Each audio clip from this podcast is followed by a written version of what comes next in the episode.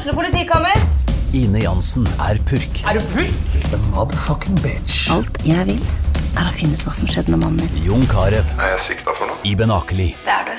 Ole So, Lars Berrum og Big Daddy Karsten. Hvem sin side er du på, egentlig? Anette Hoff, Tone Danielsen, Kommer du fra Afrika? Jørnis Josef, Nesten. Kløfta. Trond Espen Seim, Det er synd å si det, men det var feil mann som døde. Purk. Premiere tirsdag på TV2 Play. Hei, og velkommen til Debrif med Dag. Pandemi, heterotopi, dag 14. Dag 14, to fuckings uker. Vi klarte det. Vi er i mål. Jeg håper alle som, eh, som var med fra dag én, fortsatt, eh, fortsatt er der ute. Eh, jeg er en fan om dere fortsatt hører på denne podkasten, men jeg håper dere fortsatt er i live. Tida har gått fort, det må jeg først og fremst si. Det har faen meg gått fort unna. Da jeg begynte det her, så, så i, i mitt hode så var to uker en jævla evighet å skulle gå trøkk hjemme. Men eh, det har gått jævlig fort. Jeg klarer ikke å skille nesten noen av dagene, men eh, Nei, tida flyr i karantene. Det, det, det viser seg å være å være sikkert. Uh, takk til alle som har hørt på. Jeg, jo meg, jeg tror jeg har 50% økning i lyttertallet mitt, fikk jeg en, en mail om. Uh, jeg har fått flere uh, Patrion-støttere. Og eh, ja, men først og fremst så, så, gjorde jeg virkelig det her for min egen del, som en slags eh, loggføring av egen sinnstilstand og eh, ja, og, og tilstand på, på verden for øvrig. hvis jeg sitter her om 20 år halvdement og skal fortelle hvordan det var når vi var i karantene i månedsvis, så kan jeg faktisk, i stedet for å sitte og gjette og bare finne på en masse piss, så kan jeg høre på det her, og forhåpentligvis reise litt tilbake i tid. Um, så ja, det, det, har vært gøy. Jeg har allerede sagt at jeg, jeg vet ikke helt hvordan, uh, hvordan, ting blir videre. Takk til, til de, av dere, de, av dere, som har skrevet at dere vil at jeg skal, skal fortsette å gjøre det her daglig. Det blir mer podkaster enn uh, en vanlig, men i hvert fall, det blir ingen podkast i morgen, rett og slett fordi uh, i morgen skal jeg gjøre For det første har jeg en, en spalte og levere til avisa i Tromsø, hvor jeg vil bli å skrive om uh, ja, karantene. Hva faen annet skal jeg skrive om? Um, og så skal jeg være med på Senkveld i morgen. Det er et spørsmål. Er det noen som vet hvordan man Hvordan i faen tar jeg opp? Jeg bare tenker på hvis For det første, jeg skal gjøre Senkveld. Det er jo ikke noe publikum der. Jeg skal promotere showet mitt, som jeg skal til høsten, som virker helt fuckings meningsløst. Men hvis jeg nå mot formodning skulle klare å si noe morsomt, hvordan kan jeg ta det opp så jeg kan legge det ut på YouTube etterpå? Hvis det skulle skje et eller annet av interesse. Jeg, jeg vet ikke hvordan jeg tar opp et jævla TV-program.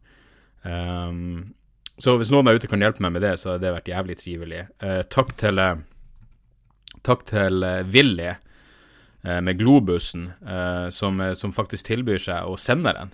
og da sa jeg til han, kan ikke du sende den til foreldrene mine? Eh, så sparer vi middelmannen der, og så, eh, og så, så får vi den globusen hvor, hvor uh, Oslo og Narvik er de eneste byene som er merka på, på, på, på, Norge. Uh, rett i hendene til min lokalpatriotiske far. Det er jo helt nydelig. Så takk som faen til, um, takk som faen til Willy for, uh, for det. Så var det noen som sendte meg for ikke så lenge siden på, på Facebook link til en artikkel fra CBC News. Arizona man dies, wife ill, after taking drug touted as virus treatment. Uh, det er et ektepar i 60-årene i Phoenix som har uh, kvelt nedpå uh, et, uh, et tilsetningsstoff som brukes for å rense fiske... Har jeg sett rett her? Jeg tror du bruker det til å rense fuckings akvarier. Det har de kvelt nedpå. Gubben daua. De blir sjuke med en gang. Gubben daua. Eh, kona Det ligger vel ikke bra til med henne, men det de ut, det de har fått ut av henne, er at eh, de drakk det her fordi Trump hadde sagt at det var et, en, en, kur mot korona. Så eh, hvis kona nå viser seg å overleve det her, så har hun i hvert fall lært verdien av kildekritikk. Neste gang så bør du kanskje dobbeltsjekke den informasjonen som Donald kommer med, ikke sant? Eh, noen andre sendte meg en artikkel om at Lionel Richie vil lage en ny versjon av We Are The World. En remake av We Are The World i disse koronatider. Eh, og som de av oss som er gamle nok til å huske, så eh, var jo den originale We Are The World fra 80-tallet eh, låten som stoppa sult i Afrika. Eh, jeg ser også nå at eh, eksamener på, eller på videregående skole er avlyst. ta det fra en som har tatt mange eksamener. Dere går ikke glipp av noen ting. Hvis noen mot formodning skulle være lei seg fordi eksamen er avlyst. Dere går ikke glipp av en dritt. Jeg har faen meg et sånn vagt minne om Jeg bestandig Jeg har et vagt minne om at jeg juksa på en eksamen uh, uh, på universitetet i Tromsø. Altså, her er greia. Um, I Tromsø så var det jo sånn at uh, når, når, For det første så likte jo ikke jeg at man måtte ta X-fil Eh, før man kunne begynne å studere det man hadde lyst til. I ettertid så skjønner jeg det veldig godt. Jeg er glad X-Fil eksisterer. Jeg så verdien av X-Fil i ettertid. Eh, men når jeg skulle da begynne å studere engelsk i Tromsø, så var det såpass lite universitet at det var ikke nok uh, si, kurs å ta i engelsk. Så jeg måtte ta lingvistikk noe jeg syns var, var, helt jævlig. Jeg mener, det skal jo sies vi hadde en jævlig kul eh, Det er mulig jeg nevnte han før i podkasten, vi hadde en jævlig kul professor eh, som, er en, eh, som, er kompis av Noam Chomsky. Han pleide å si det finnes to guder i verden. Det er Noam Chomsky, den politiske analytikeren, og Noam Chomsky, lingvisten. Eh, og det var han som, som berga meg, sånn at jeg faktisk klarte å, å stå i lingvistikk. Men jeg husker at jeg hadde en eksamen der det var et eller annet jeg faen ikke klarte å huske, og jeg, jeg, tror Jeg har ikke et klart minne av det her, og jeg ville innrømt det hvis minnet var tydelig nok, men jeg tror faktisk jeg juksa på eksamen, og jeg forsvarte det med at jeg har ikke lyst til å studere lingvistikk. Lingvistikk er ikke det jeg vil fokusere på, men jeg er nødt til å bestå på denne eksamen for å, eh, ja, for å kunne gå videre og studere det jeg faktisk har lyst, har lyst til. Eh, og jeg føler jo fortsatt at det er jeg, jeg, er ikke stolt over det, men jeg skammer meg egentlig heller ikke. Litt seinere ute i lingvistikk, for det var vel Jeg lurer på om jeg måtte ta det to semester. Så plutselig var det sånn Jeg tror det her var uh, første halvåret, men jeg hadde et sånn eureka-øyeblikk hvor jeg bare plutselig forsto det. Plutselig skjønte jeg bare hvordan jeg skulle tegne de jævla trærne for å analysere setninger. Og da, da trengte jeg ikke å jukse, men i utgangspunktet så trengte jeg en liten push. ja, det, det, var, det, var, litt sånn doping der, for en god sak. Um, ja, men uansett. Uh, grattis med uh, avlyst uh, eksamen. Og så ler vi vel alle litt av at prins Charles er smitta. jeg føler liksom at det koronagreiet, det gjør at det er det er liksom det, Alle godter seg litt. Jeg har ikke sett det så mye med Charles. med Weinstein så var det jo helt åpenbart. Med prins Charles er det nesten Altså, vi kan alle si hei, vi gråter ikke over at Weinstein fikk koronaviruset, men det er jo enda mer poetisk rettferdig at prins Charles, prinsen av pseudovitenskap og av og alternativ fjas og homopati, at han nå har fått koronaviruset, det er jo faktisk direkte gøy. Eh, jeg mener, det her er jo en fyr som starta noe som heter The Foundation for Integrated Health. Og det ble stengt i 2010 fordi det ble anklagd for både hvitvasking av penger og ren jævla svindel. Så um, Charles har vært uh, en grusom, uh, og er jo fortsatt, virker det som, en, en grusom eh, pseudovitenskapelig forfremmer. som folk tydeligvis hører på. Det var så trist å bare høre sier han jævla nyhetsreporteren til NRK. Oh, hvordan tar det britiske folk det at Charles har fått koronaviruset? Ah, mange er jo bekymra. Er de? Hvordan fuckings Hvor er empirien her? Hva, hva er det som tyder på at noen jævla briter er bekymra for at Charles har koronaviruset? Faktumet er jo at eh, et flertall av de som støtter monarkiet i Storbritannia, har lyst til å hoppe over Charles, sånn at han ikke skal bli konge, men at eh, de går rett til sønnen hans, William, eller hva faen han heter. Så, så godt likt er han, men nå er de plutselig bekymra. Uh, ja, jeg tipper de blir bekymra for at mora hans skal Hun er jo faen meg 173.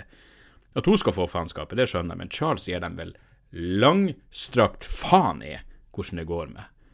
Lykke til på reisa, Charles. Han har det jo Jeg har ikke lyst til at fyren skal dø, det er ikke det. Og jeg kan si lykke til på reisa fordi de sa at han har milde symptom. Alt går bra, det ordner seg. Kjerringa hans har ingen symptom, så hun har i det minste sluppet unna den klamme kuken hans de siste, de siste ukene. Så noe godt kommer det jo ut av, eh, av det her faenskapet. Uh, hva har jeg gjort i dag? Jeg vet da faen. Jeg har lest, uh, jeg lest en interessant artikkel av Ole Martin Moen.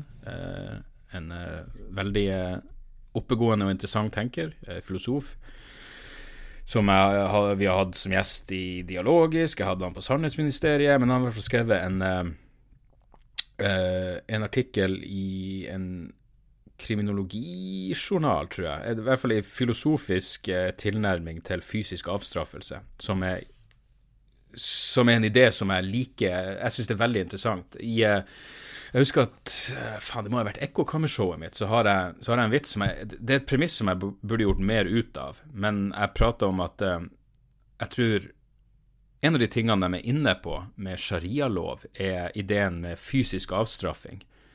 Um, ikke sant? Hvis du, å, du har stjålet og de kappa deg i hånden i stedet for å putte deg i fengsel. Jeg tror ikke det er noe dum idé. Og det som fikk meg til å begynne å tenke på, på fysisk avstraffelse kontra eh, fengsel, det var bok jeg tror det er skrevet av en advokat som heter 'In Defense of Flogging'. Altså til forsvar for Hva blir flogging? Pisking. Så uansett, Ole Martin har tatt denne ideen og har da en filosofisk tilnærming til Og han tar utgangspunkt i Hva faen blir det på norsk? Altså caning. Noe de gjør i, i Singapore. Hva er det? Det er jo en form for pisking med et sånt rør. Spanskrør, ja. Um, og, og uh, I Singapore gjør de det, og jeg lurer på om det er en offentlig Det ligger i hvert fall opptak av det. Hvis du bare googler caning Singapore, så er det masse opptak av det på YouTube, vil jeg tro. Jeg lurer på også om de gjør det Om det er offentlig avretting. Ikke avretting, offentlig straff. Men, um, men i hvert fall, den her um, uh, Den heter Criminal jeg, jeg, skal legge en link til uh, Uh, skal vi se, la meg bare google Vi har jo tida, ikke sant? Uh, judicial Corporal Punishment heter heter hans Paper Journal of Ethics and Social Philosophy. Jeg, jeg legger en link til den i, uh, i shownotes for de av dere som måtte være interessert i å, i å lese det. det. Det er fort å Altså, det er ikke noe det er relativt lettlest til å, til å være i filosofisk tilnærming til fysisk avstraffelse. Så er det så lettlest som du får det. Så, eh, så verdt å sjekke. Så den, den koser jeg meg med. Og den følte at den satte i gang eh, en eller annen form for mental prosess i hodet mitt. Det var akkurat så jeg vekte opp noe jævla noen jævla synapser inni skallen min. Um, ellers så er jeg glad for at um, uh, Nå husker jeg jo faen ikke i farta hva den heller heter. Det er, nevnt at de har en um, At de har en dokumentarfilmfestival i København. Um, som selvfølgelig nå foregår Den heter CPH Docs 2020. Uh, jeg kan legge ut link til, uh, til den også i shownotesen. Um, og det er rett og slett en Ja, de, de har en masse interessante dokumentarfilmer. Og jeg har testa nå at hvis du har en VPN og bare skifter locationen din til Danmark, så kan du eh, leie filmene. Det koster sånn seks euro. Og det er masse interessant der. Det er, um, det er blant annet den nye filmen til uh, Alex Gibney, uh, Citizen K. De har en, en dokumentar om uh, journalisten Robert Fisk som ser jævlig bra ut. Altså, det, det er mye, mye gull. Um, så eh, det kan anbefales hvis, du, hvis dere har eh, VPN og seks euro til overs og litt tid å slå i hjel, så er det masse, masse interessant å, å, se der. Så det ser jeg frem til. Det eneste jeg ikke har til, er ennå ikke leid en film der, jeg leid en dokumentar der. Så jeg bare håper at det ikke blir noe kødd med Jeg vet av og til hvis du prøver på Amazon å bruke VPN, så krever de et amerikansk eh, kredittkort. Eh, men får håpe at, eh, at eh, Ja, at man slipper det på på akkurat den her. Det er jo våre danske venner, for faen. Uh, og så lenge du betaler for det, så hvorfor skulle de ha et problem at du ser det utenfor, uh, utenfor Danmark? Det handler vel selvfølgelig om, om rettigheter. Men uh, sånn er det. det er jo kommet inn en masse jævla mailer igjen. og det er jo det er jo veldig Veldig hyggelig. Det er ikke alle Noen er bare anbefalinger, og de får jeg heller svare på De får jeg heller svare på, men det er jo noen Så jeg, der, jeg har jeg ikke fått uh, Ikke fått tid til å lese de her på forhånd, så la oss bare kjøre på. Uh, Gustav skriver Israel-Palestina. Hallo, Dag. Elsker de daglige podkastene bare... Uansett så har jeg fått en oppgave i samfunnsfag. Samfunnsfag? Hvordan fuck Er det ungdomsskole? Uh, uansett så har jeg fått en oppgave i samfunnet Jeg er ikke meninga å flire hvis det er ungdomsskolen. Ungdomsskole er viktig. Ja, ja, ja. Det, det legger føringer for resten av livet. Uansett så har jeg fått en oppgave i samfunnsfag å skrive om en pågående konflikt, og jeg har valgt Israel-Palestina. Jeg lurte på om du hadde noen tips om hvor jeg kan finne god informasjon om temaet. Jeg lurte på hva du synes om konflikten. Hilsen 17 år gammel lytter. Uh, stor fan av uh, Israel-Palestina-konflikten. Uh, da jeg var en mer konvensjonell, radikal sosialist i min tid, så er jo det her en av de konfliktene som, som det er en selvfølge at du er engasjert i. Så den har jeg lest mye om. Stort sett fra et venstreside perspektiv, så ha det i bakhodet når jeg Altså, jeg husker jo at Norman Finkelstein um, har jeg lest mye av. Um, han har en bok som heter Beyond Hutzpa, som er en grei introduksjon. Ilan Papé, uh, har ei jævlig bra bok, uh, en israelsk historiker, som heter uh, Et eller annet med ethnic, The Ethnic Cleansing of Palestine, tror jeg. Um, Robert Fisk, som jeg nevnte, har skrevet mye bra om det. Uh, hvor er jeg? Jeg var jo så nerd når jeg satte opp bokhylla mi, at jeg har ei ega jeg vet ikke hvor interessant det her er for noen andre, men nå klarer ikke å se hva som er bakom det. Men begynn med jeg mener, hvor, hvor mye arbeid skal du legge i det her? Jeg bare prøver å tenke på hva du kan hva du kan lese uh, som er fra den pro-israelske sida. Du, det var en, eh, en, eh, Jeg lurer på om han er en, en israelsk historiker. Han har også jeg tror han har vært sittet i regjeringa av noe slag, eller kanskje flere regjeringer. Jeg, jeg, husker i hvert fall at boka heter 'Scars of War, Wounds of Peace'. Um, så den kan du sjekke. Jeg, jeg, tipper Hvis du leser Norman Finkelstein og 'Scars of War, Wounds of Peace', så får du uh, um, ja, en mer konvensjonell tilnærming og en i radikal uh, eh si, sionistkritisk tilnærming. Eh, og alle de folkene jeg har referert til nå, utenom Robert Fisk, er, er for øvrig jøder, eller i noen tilfeller israelske jøder, sånn som er Ilan Papey. Så, eh, så, ja. Utenom det er en interessant konflikt. Jeg mener, jeg syns jo fortsatt at det er grusomt. Jeg vet at uh, det er ikke så komplisert som alle skal ha det til. Uh, jeg mener, USA er den store kjeppen i hjulet her, og de kunne, de kunne løst den konflikten i morgen med å bare uh, legge fra seg den ensidige Israel-støtta. Så Skal vi se. Lønnsom korona. Takk for flott podkast. Min erfaring ingen bompenger, ingen parkeringsavgifter, ingen drivstoffutgifter. Om dette blir langvarig, vil jeg kunne spare mange tusen hver måned. Jeg er statsansatt og har hjemmekontor. Nettløsning for jobb er så dårlig at kun et fåtall kan logge på samtidig. I realiteten ble jeg nå betalt for å spille dataspill. Har du sett The Banker, Apple, Apple Original med Samuel L. Jackson?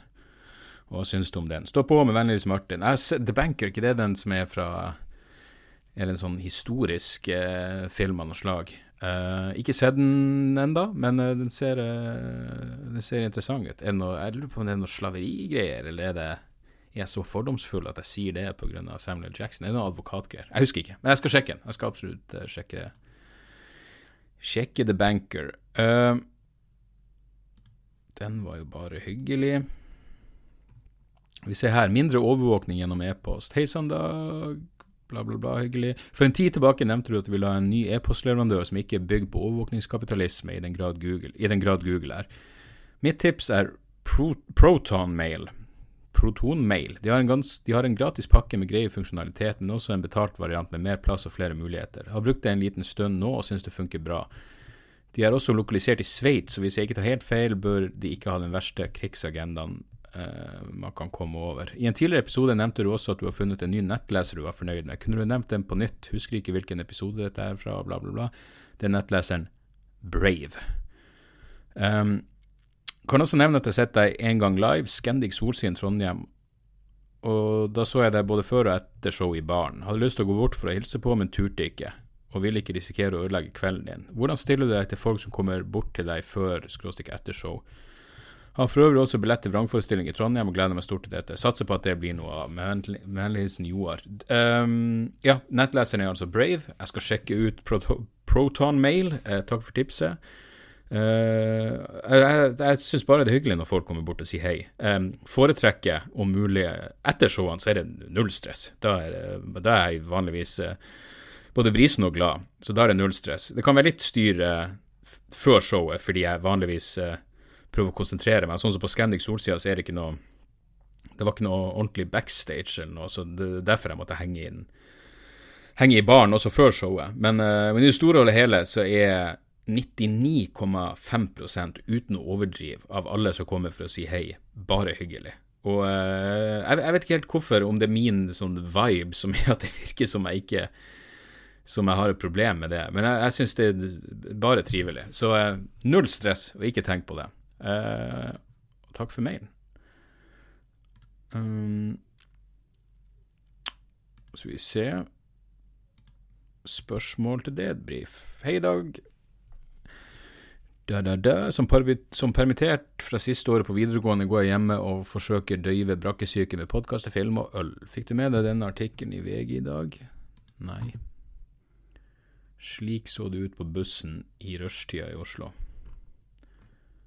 Og så er det vel mye folk på bussen? Ja, det er stappfullt. En helsearbeider klager offentlig over hvor mange mennesker som tar bussen i disse tider, når du selv er i samme buss. Hva syns du om disse menneskene som hele tida skal vifte med pekefingeren og framstille seg selv som bedre? For, all, for, alt denne personen vet, kan alle andre på bussen ha en minst like god grunn til å være der. For min del syns jeg artikler som dette er jævlig irriterende, og tror ikke de bidrar til stort. Forresten vil jeg tipse deg og alle andre som liker punk hardcore, sjekke ut bandet Tørsø. T-ø-r-s. Tøddelo. Beinhard punk som gir meg positive assosiasjoner til Amil and The Sniffers, som du anbefalte for en tid tilbake. Skal sjekke Tursø. Uh, jeg tror ikke heller sånne saker som sånn så ut på bussen. Uh, men spørsmålet er jo da For det første, en helsearbeider har jo veldig god grunn til å være på den bussen fordi hun er på vei på jobb. Jeg går ut ifra alle de andre som er på bussen, er der fordi de også trenger å komme seg på jobb. Så en sånn artikkel kan vel kanskje bidra i forstand av, og det her sier jeg uten å ha lest den, at det er en kritikk av tilbudet til Ruter, at det må settes opp mer busser, eller at ikke nok folk har muligheten til å jobbe hjemmefra, eller um, Jeg tror ikke nødvendigvis at det er en kritikk av, uh, av, folkene som er på bussen, for de skal vel på fuckings jobb, stakkars jævla, ikke sant? Så um, Men ja. Så det eneste positive som kan komme ut av en sånn artikkel, er jo uh, utvidelse av eh, kollektivtilbudet. Pono. Andreas skriver Hei, fan av det du gjør, men jeg hengte meg opp i et ord du sier. Jeg er usikker, men det høres ut som du sier pono, altså porno, men uten r. Det mindfucker meg, da du ellers er velartikulert. Am I wrong? Stå på, hilsen Andreas. Du er ikke wrong i det hele tatt. Uh, jeg lurer på om ikke alle i Nord-Norge sier pono. Pono, for faen. Hvordan sier du det ellers? Porno? Porno? Eh, porno? Er det, noen, er det noen andre enn Carl I. Hagen som sier porno?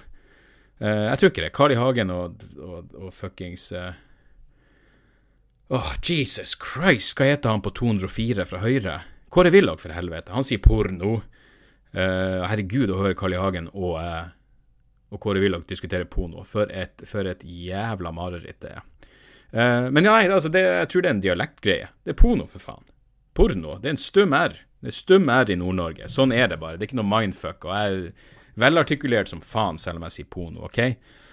Takk for mail, Andreas. Jeg håper herved du er unfucked i uh, ditt mind. Uh, uh, Update.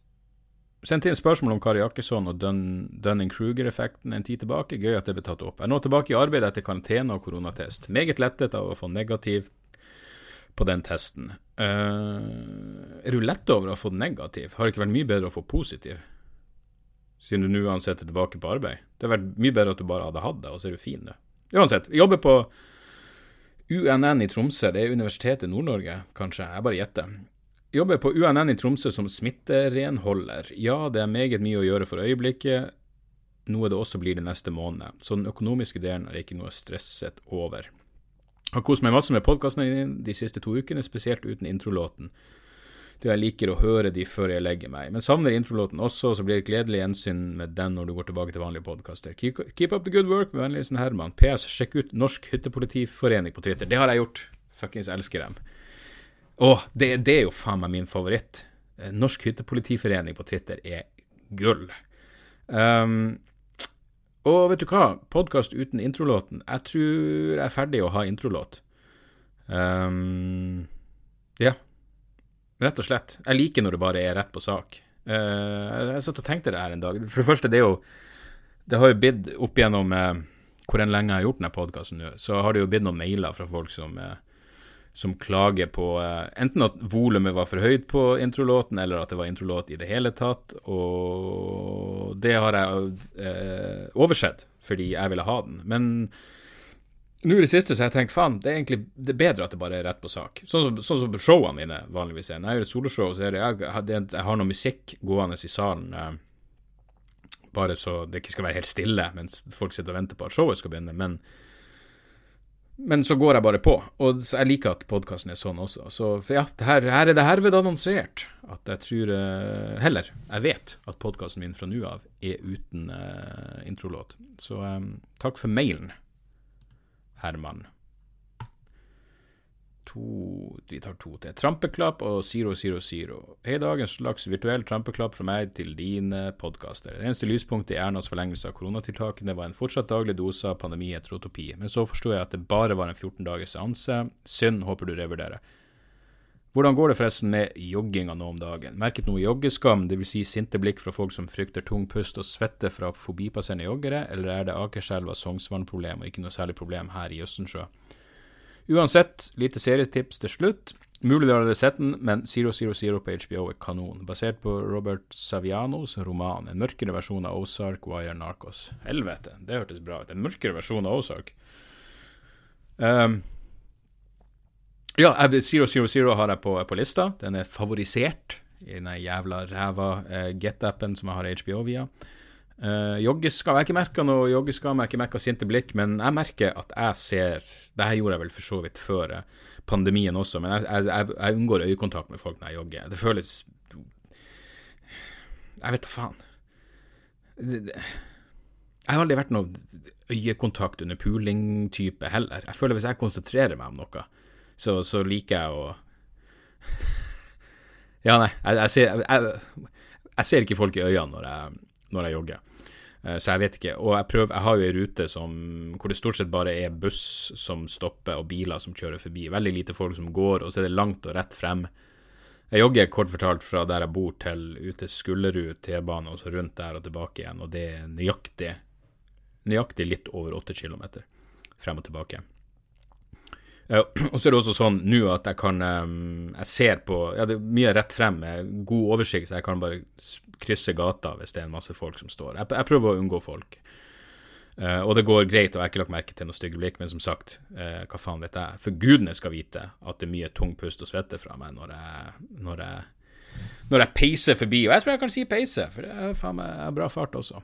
Um, ja, og så har jeg noen nye sko som er, som er jævlig, jævlig bra demping i, som gjør at jeg faktisk kan springe på asfalt uten å føle meg suicidal eh, i ettertid. Så siste vi tar i dag, ble nesten drept av AI.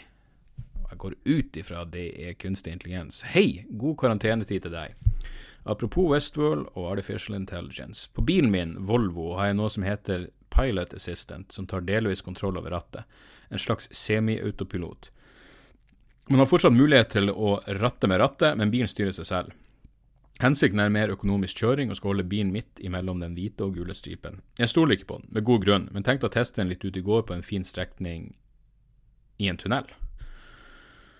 Idet jeg møter et sterkt lysende vogntog, velger bilen å ratte hardt mot venstre. Jeg klarte akkurat å ratte andre veien før det går galt. Det var snakk om centimeter fra den nokså sikre død. Lærdommen er vel at godtruende bruk av AI kan koste oss livet, eventuelt så er det å gi faen i å kjøre med Pilot Assistant. Mitt soundtrack er for tiden Protection av Ailses, nylig låt, et nylig band. Beste hilsen Arve. Faen for ei creepy historie. Men ja, jeg ville heller ikke styrt på det, stort på det faenskapet. Husker dere det som er når en uh, det var vel eh, Jeg vet ikke hvorfor det var relevant at det var en uteligger, men det var jo noen som ble påkjørt. De driver og testa en førerløs bil i USA, eh, og plutselig så kom denne personen ikke i et gangfelt, bare ut av intet, rett foran bilen. Så de har jo sånn kamera på eh, Kamera festa på bilen, så ja, opptak av ulykka har lagt ut. Men da så du også at personen som satt bakom rattet for å liksom holde kontroll og klare å overstyre den førerløse bilen, satt jo og trykte på mobilen sin. Så det sier jo mye. Og jeg husker også at det var en fyr som satt og Han hadde bare sagt autopilot på bilen og satt og så en eller annen Jeg vet da faen hvorfor jeg innbiller meg at han satt og så Harry Potter på uh, iPaden sin, men uh, ja, det var i hvert fall det siste han gjorde, før han uh, krasja inn i en varebil eller et eller annet og, og strøyk med. Så um, ja, nei, det var jo creepy, det. Uh, litt, Stusser litt på at du testa det ut i en tunnel. Det hørtes litt sånn ekstra sketchy ut. Jeg vet da faen hvorfor, men uh, men ja, bra det gikk bra. Og uh, enn så lenge Hvis, hvis du er den nerdete typen og er interessert i denne typen tematikk, så burde du sjekke en bok som heter The, The Glass Cage av um, og han som skrev The Shallows. Nicholas Nicholas Carr. The Glass Cage. Uh, how, where uh, Den handler om automatisering. Den har forskjellige titler eller forskjellige undertitler. How our computers are changing us. Jeg tror den versjonen jeg har, er en annen, en annen undertittel. Men den, den, handler om automatisering, og jeg starter med et eksempel fra eh, ganske creepy fra noe flyulykker hvor, eh, hvor ting har gått til helvete fordi pilotene rett og slett ikke er godt nok trent i å overstyre autopiloten. Og når en plutselig må gjøre det og styre ting manuelt, så, så gikk det til helvete. og at vi rett og slett mister ja, vi mister noe, noe, noe muskelminne i forhold til hvordan, eh, hvordan vi skal operere eh, ting, fordi, eh, hvordan vi skal styre ting, fordi vi blir vant til automatisering. Eh, og det kommer nok sikkert til å bli et eh, Ja, om 50 år så vet jeg ikke om folk eh, er gode å kjøre bil. Så ja, takk for meg. ja. Ta, nei, det er en som heter Stanhope her. Stanhope har bursdag i dag, så er 53 år. Hei, Dag. Stor fan av deg. Kunne du kanskje fortalt litt mer om hvordan det er å være på turné med Doug Stanhope? Godeste Doug Stanhope. 53 i dag. Uh, ja, nei, det er veldig gøy å være på turné med Doug Stanhope. Det burde vel ikke overraske noen. Uh, jeg har vel vært på turné med han tre, fire ganger, tror jeg. To ganger i Norge og to ganger i Storbritannia. Jeg husker første gangen uh, han kom til Norge, var vel i 2000 og uh, jeg, tror, jeg er ganske sikker på at det var 2008. Da var det uh, en kompis som jeg som heter Gråbein, så ikke var en kompis da, jeg kjente han ikke. Gråbein og Kristoffer Schjelderup i Standup Bergen samarbeida om å få Stanhope over. Eh, og så skulle jeg og Doffen da være support for han eh, i Bergen og Oslo, og så tror jeg det var vel i Trondheim også, hvis jeg husker rett. Um, og, eh, og, da var jeg Jeg mener, standup er jo min favoritt, men jeg var jo virkelig, virkelig fanboy på denne tida. Uh, og han var vel liksom den første som jeg hadde Ja, jeg har aldri vært noen standup som blitt satt ut av å treffe kjente folk. I hvert fall ikke noe så veldig. Men jeg, han fant jo tonen uh, relativt umiddelbart. Um, så det var, det var, jævlig gøy. Begge de rundene i Norge var gøy. Uh, og det var da jeg også hadde den famøse Uh, hvor faen var det jeg fortalte den historien? Jeg tror det var på ja, en eller annen podkast fortalte jeg i hvert fall at uh, jeg jobba med standup, og så dro jeg til London for å gjøre et show. og Så, jeg, så filma jeg det, og så la jeg ut et lite klipp på, uh, på, YouTube, og så delte jeg det på et sånt forum. Det var tida hvor jeg var aktiv på et musikkforum, bandet Machinehead. Machinehead1.com hadde et forum som heter The Frontlines, hvor, hvor det var jævlig mye smarte og interessante folk som diskuterte alt mellom himmel og jord. Uh, og jeg var jo stolt av at jeg var standup-komiker, så jeg la ut det der klippet. Og så var det en fyr som skrev eh, det her vil du stjålet av Doug Stanhope. Og jeg bare Hva i fuckings faen er det du prater om? Så jeg sender klippet til Stanhope. Det var ikke så lenge etter at vi hadde turnert i Norge uh, for andre gang. Og, eller første gang, jeg husker ikke. Men uansett, så, så svarer bare standup holy shit. Da hadde han skrevet en identisk vits eh, på flyet fra Oslo til eh, Finland. Og så hadde han prøvd denne vitsen i Finland, og så hadde han denne fyren på Frontlines-forumet sett han i Finland hørt vitsen, sett min vits og tenkt å, det er jo ordet det samme, så selvfølgelig har Dag stjålet det fra han. Jeg skjønner jo godt at han tenkte det. Men det viste seg at vi hadde bare tenkt akkurat det samme, og ifølge standup så var vitsen helt identisk. Og den var relativt Altså, den var ikke så Den handla om I utgangspunktet var det enkelt at det var rad 13 på at det, at det, ikke er rad 13 på fly, og så var det et eller annet greier. Men her er det så fin fyr som standup er, så i stedet for å bare si så ja, nei, det er jo din vits, og bla, bla, så legger han ut en, opp, en oppdatering på hjemmesida si hvor han skrev at eh, hei, det her er ikke Dag har ikke stjålet denne vitsen fra meg, om noe så har jeg stjålet den fra han, men han gjorde den på norsk, så jeg visste jo faen ikke hva han sa, så vi har bare tenkt det samme.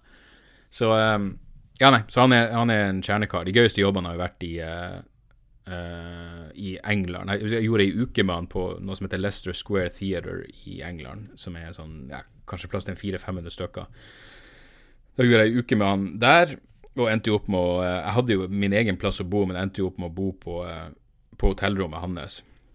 Da, jeg tror han hadde vært der i to uker, da, så jeg tror han, han var lei og ensom, og han syntes det var hyggelig å ha noen å, noen å henge med. Og da husker jeg jeg var med på et sånn Jesus, det gikk hardt for seg. På, han skulle gjøre sånn opptak for BBC eh, til det Charlie Brooker-programmet. Eh, så jeg bare våkna av at han vekk meg, og de måtte gjøre det tidlig på, på morgenen. Så han vekk meg i sånn syvtida, så jeg sånn faen, vi må gjøre det her, du må bli med. Og så husker jeg bare at han tok meg ut en plass for å finne frokost, og så kjøpte han meg en appelsinjuice. Jeg skjønte ikke greia, for jeg så at han hadde jo med seg selvfølgelig vodka som han helte oppi. Så jeg var jo faen meg godt i farta når vi møtte opp til denne innspillinga.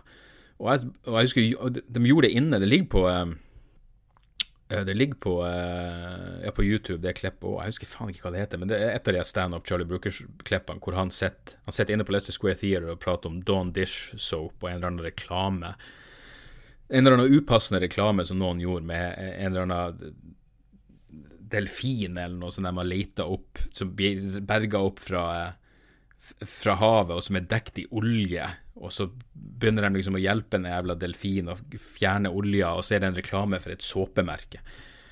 Men i hvert fall, jeg var jo full, så jeg satt jo og ropte ut mine forslag eh, mens han spilte inn, og driver og fucker opp hans jævla BBC-opptak, men han syntes heldigvis det var, det var, morsomt. Og så var det vel å fortsette å drikke og tilbake på hotell, og så vekta meg da på kvelden, da skulle vi gjøre showet, og da var jeg, da var jeg så inn i helvete desorientert, jeg hadde ikke en fjerneste anelse om hva som foregikk, men eh, men det var jævla, jævla gøy uke, og så var det selvfølgelig de ene store showene for, i 2015, hvor jeg gjorde Hammersmith Apollo, og eh, jeg har faen meg lydopptak av det showet. Det gikk jævlig bra.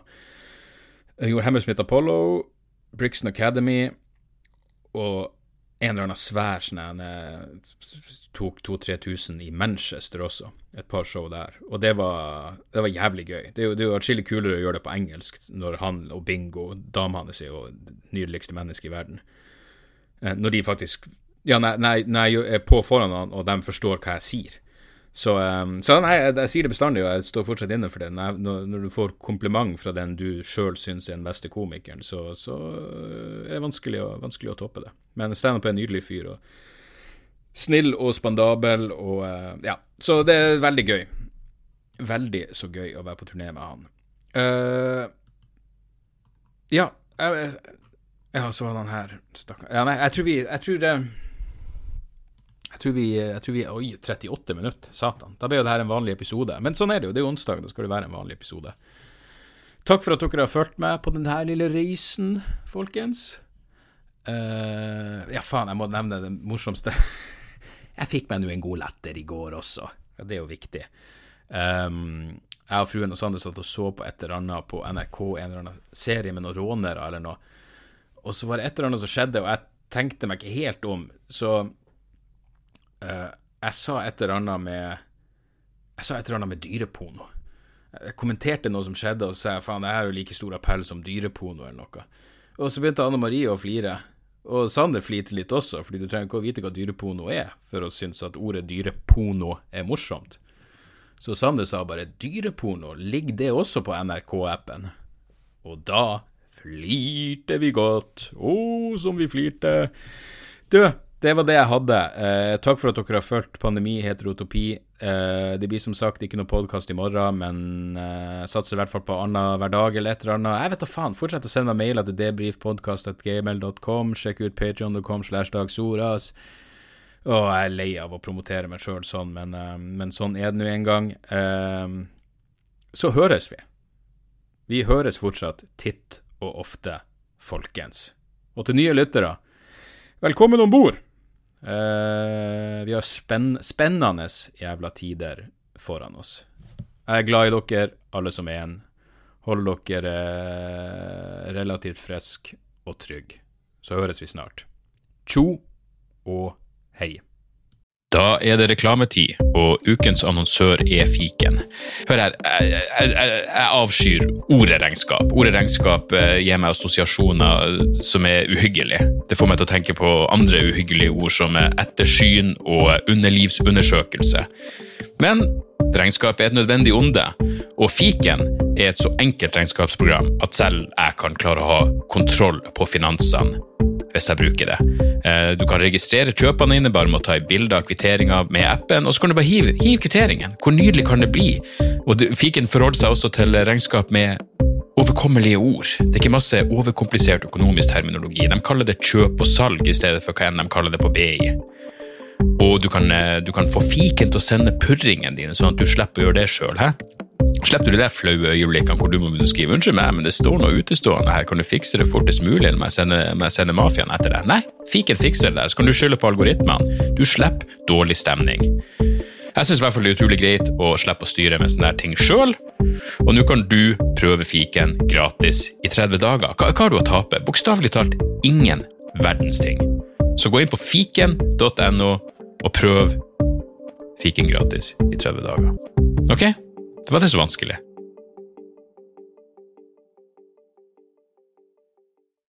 Har du et enkeltpersonforetak eller en liten bedrift? Da er du sikkert lei av å høre meg snakke om hvor enkelt det er med kvitteringer og bilag i fiken, så vi eh, gir oss her, vi. Fordi vi liker enkelt. Fiken superenkelt regnskap.